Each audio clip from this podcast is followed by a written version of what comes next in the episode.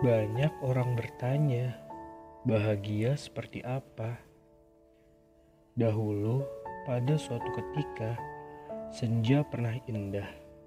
Seindah janji-janji yang berujung menjadi sumpah serapah. Memang sangat tidak enak menjadi seperti ini. Apa yang kau lakukan tidak berujung hasil. Tapi percaya, Tuhan tidak tidur. Tuhan hanya sedang menyiapkan yang terbaik untukmu.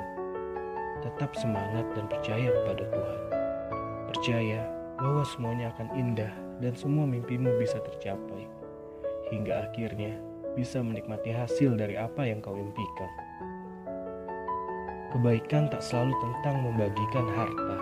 Aku sering kali lupa bahwa kita bisa menjadi pembawa kebaikan kecil setiap harinya.